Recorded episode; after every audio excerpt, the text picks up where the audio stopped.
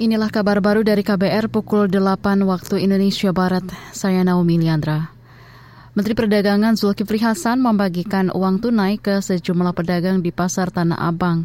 Besaran uang yang dibagikan Ketua Umum Partai Amanat Nasional PAN itu mulai dari Rp400.000 hingga 2 juta rupiah. Zulhas mengklaim uang itu untuk dibelanjakan lantaran toko sepi imbas social commerce. Ya saya kalau ke pasar belanja, Bayangin tuh tokonya kamu udah kejek-injek. Ada yang tasnya kegencet. Ada tadi dagang yang keinjek.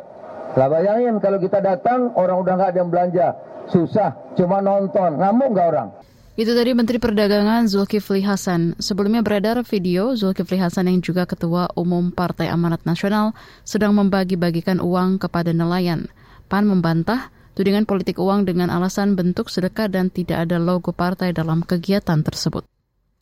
Bulog Aceh menyiapkan operasi pasar jika harga beras terus bergejolak. Harga beras premium di pasar tradisional di tiga kabupaten kota di Aceh saat ini masih tinggi. Kepala Bulog Drive Kota Lok Sumawe Mukti mengatakan kenaikan sekira Rp3.000 per kilogram. Menurutnya kenaikan beras dipicu menurunnya pasokan beras. Mungkin satu penyebabnya yaitu tadi suplainya, suplai dan mainnya itu kan sekarang kalau lagi musim tanam. Ah, di Aceh di Aceh lagi musim tanam cuman nggak serentak kali kan kita nggak tahu panennya kapan apa bulan 10 nanti ya. maka suplainya kan belum banyak lah ke pasar-pasar kan Kepala Bulog Drive Kota Lok Sumawe Mukti mengatakan sudah mengarahkan tim untuk memantau pergerakan harga beras di sejumlah pasar, meliputi Lok Sumawe, Aceh Utara, dan Biren. Kita ke berita luar negeri.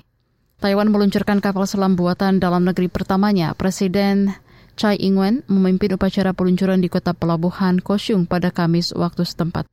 Dikutip dari BBC, peluncuran untuk meningkatkan pertahanan terhadap kemungkinan serangan Tiongkok.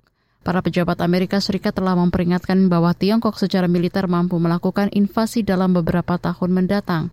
Taiwan adalah pulau dengan pemerintahan sendiri yang dianggap Tiongkok sebagai provinsi pemberontak – Tiongkok semakin berupaya untuk memberikan tekanan pada Taiwan melalui latihan militernya di Selat Taiwan termasuk beberapa latihan yang dilakukan bulan ini.